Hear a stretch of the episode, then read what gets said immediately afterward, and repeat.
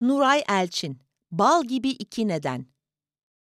Ama aşka inanıyorum ve senin de inandığını biliyorum ve bir çeşit yola inanıyorum. Senin ve benim birlikte yürüyebileceğimiz bir yola. Nick Cave, Into My Arms. Gün doğduğunda deva artık yoktu. Canına kıymış. Birlikte uyuduğumuz, uyandığımız, ağladığımız, güldüğümüz, seviştiğimiz, sarıldığımız, yüzlerce kez ayrılıp barıştığımız odasının penceresinden kendini boşluğa bırakmış. Rüzgara karışmış, toza toprağa bulanmış, yok olmuş. Metin haber vermek için geldiğinde devanın bende kalan eşyalarını topluyordum. Her seferinde en fazla üç gün süren ayrılık bu kez bir haftayı geçmişti. Tamam, bu sefer kesin bitti diyerek, biraz ağlayarak, çoğunlukla ayarsız küfürler savurarak topladım eşyalarını. Birlikte yaşama fikrine başından beri karşı olduğundan eşyalarımız iki eve bölünmüş, ikimiz de hayatlarımızın yarısını birbirimize bırakmıştık. Bende kalan hayatı, kitapları, çalışmaları ve lanet olası iç sıkıntılarıydı. O iç sıkıntıları, sessizliği, yorgunluğu ve durgunluğu evimin her köşesine sinmişti.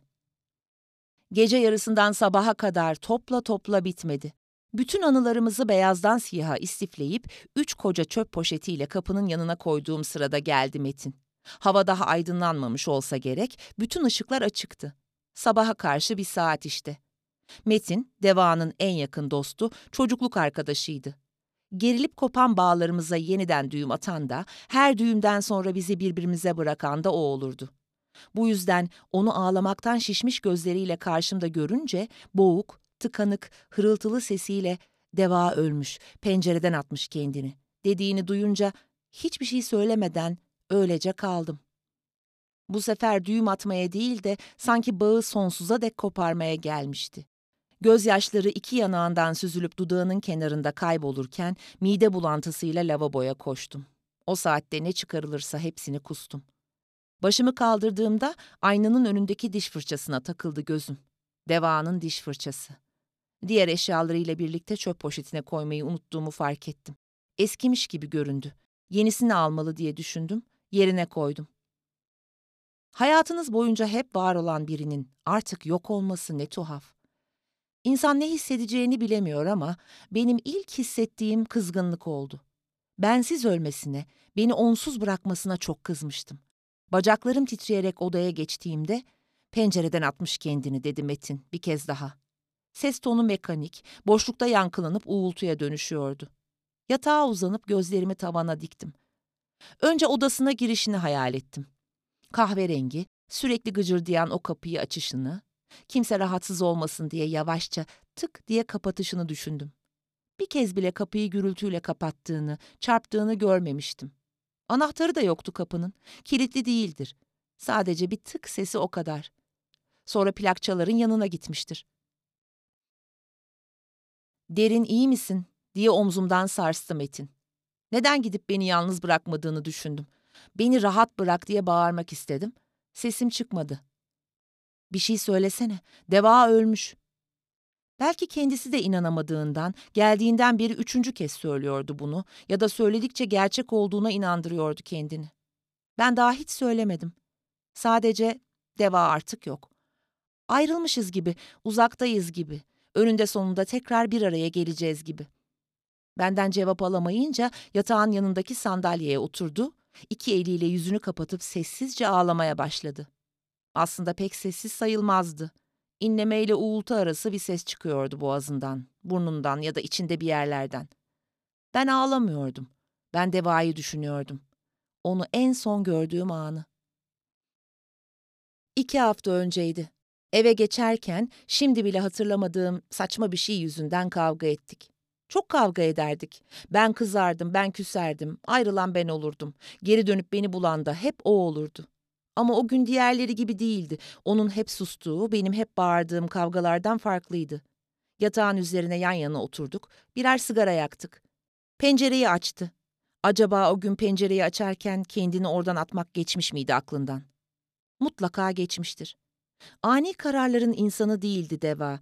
Benim aksime düşünmeden hiçbir şey yapmazdı. Basit bir hafta sonu tatili için bile haftalar öncesinden hazırlık yapardı. Planlı, programlı, sistemli, her şeyi uzun vadeli. Bir tek ben yoktum o planlı hayatta. Ben onun anlık kararlarının tek parçasıydım. O günde bunu söylemiştim ona. Hatırlayamadığım o küçük sorun yolda büyüdükçe büyümüş, evde çığ olup üzerimize yıkılmıştı. Onun hep tık sesiyle yavaşça kapattığı kapıyı çarparak çıktım o gün evden. Kızgın ve üzgündüm ama apartman kapısından çıktığımda pencereden süzülen Nick Cave şarkısını duyunca birkaç gün sonra dayanamayıp yeniden birlikte olacağımıza emin ayrıldım oradan. Hep böyle olurdu, yine öyle olacaktı. Bu kadar farklıyken iç içe geçip tek bir bütünü oluşturan bir biz vardık. Akvaryumda iki balıktık. Ben kırmızı, o siyah, dönüp dolaşıp birbirimize kalacaktık. Kapı çaldı. Ben kıpırdamayınca Metin açtı. Gelenin kim olduğunu algılayamıyordum. Sesleri duyuyordum ama görüntüler silik ve önemsizdi.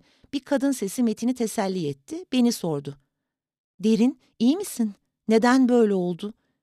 Sanki bütün cevaplar bende. Sorular hep aynı. O da ağlıyordu ama sessiz değil, içi sökülür gibi, bağıra çağıra.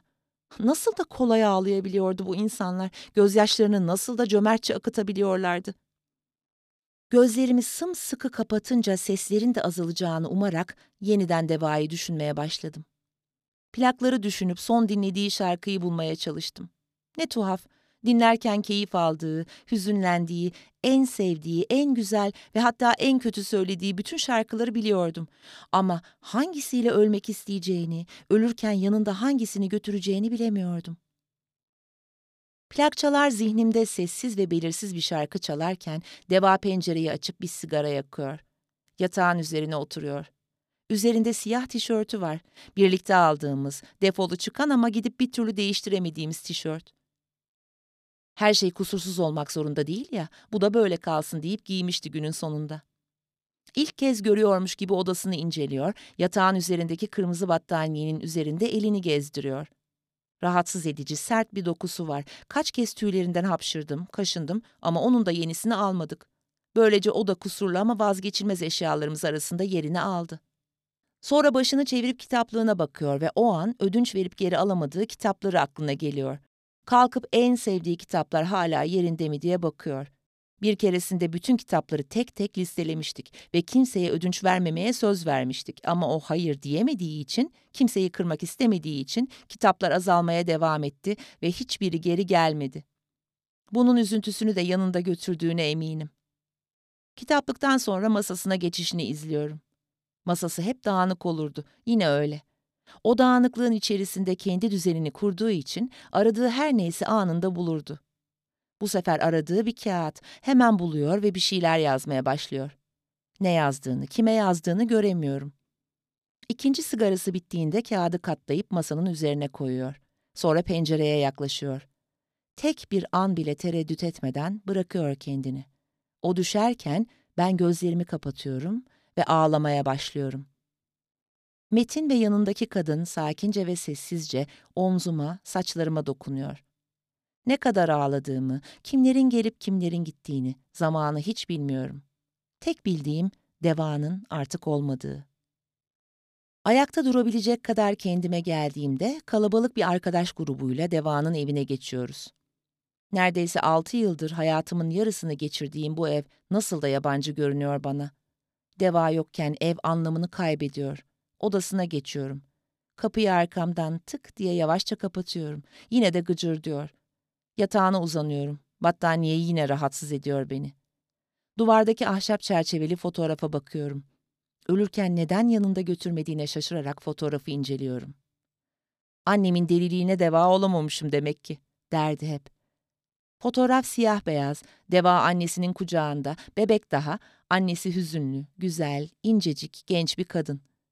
Bu evde salondaki avizeye ipek bir urgan bağlamış, incecik boynuna sarmış. Tanıştığımız ilk günden beri annesinden nefret ettiğimi, ondan nefret ettikçe devayı daha çok sevdiğimi fark ediyorum. Kalkıp plakçaların düğmesine basıyorum. Hank Williams Lost Highway çalıyor. Demek ki yanında götürdüğü şarkı bu. Birlikte hiç dinlememiştik. Yine de aklıma gelmediği için kendime kızıyorum. Birlikte dinleyemediğimiz tüm şarkılar için, çarptığım tüm kapılar için. Gıcırdayan kapılar, defolu tişörtler, sert battaniyeler, Siyah beyaz fotoğraflar ve başkasında kalan tüm kitapları için kendime kızıyorum. O sırada gözüm masanın üzerine takılıyor. Bu sefer derli toplu. Ders kitapları, notları üst üste dizilmiş. Masanın ortasında katlanmış bir kağıt duruyor. Deva'nın düzgün el yazısıyla yazılmış cümleyi okuyorum. Bir nedenden ötürü intihar edilir sanırlar hep. Ama iki nedenden ötürü de bal gibi intihar edilebilir. İki damla yaş yanaklarımı geçip dudağımın kenarında kaybolurken tuzlu tadı içimi bulandırıyor. Gidip plağı değiştiriyorum. Nick Cave, Into My Arms eşliğinde pencereyi açıp kendimi boşluğa bırakıyorum. Rüzgara karışıyorum ama toza toprağa bulanıp yok olmuyorum. Deva gülümseyerek beni bekliyor. Bal gibi iki neden oluyoruz.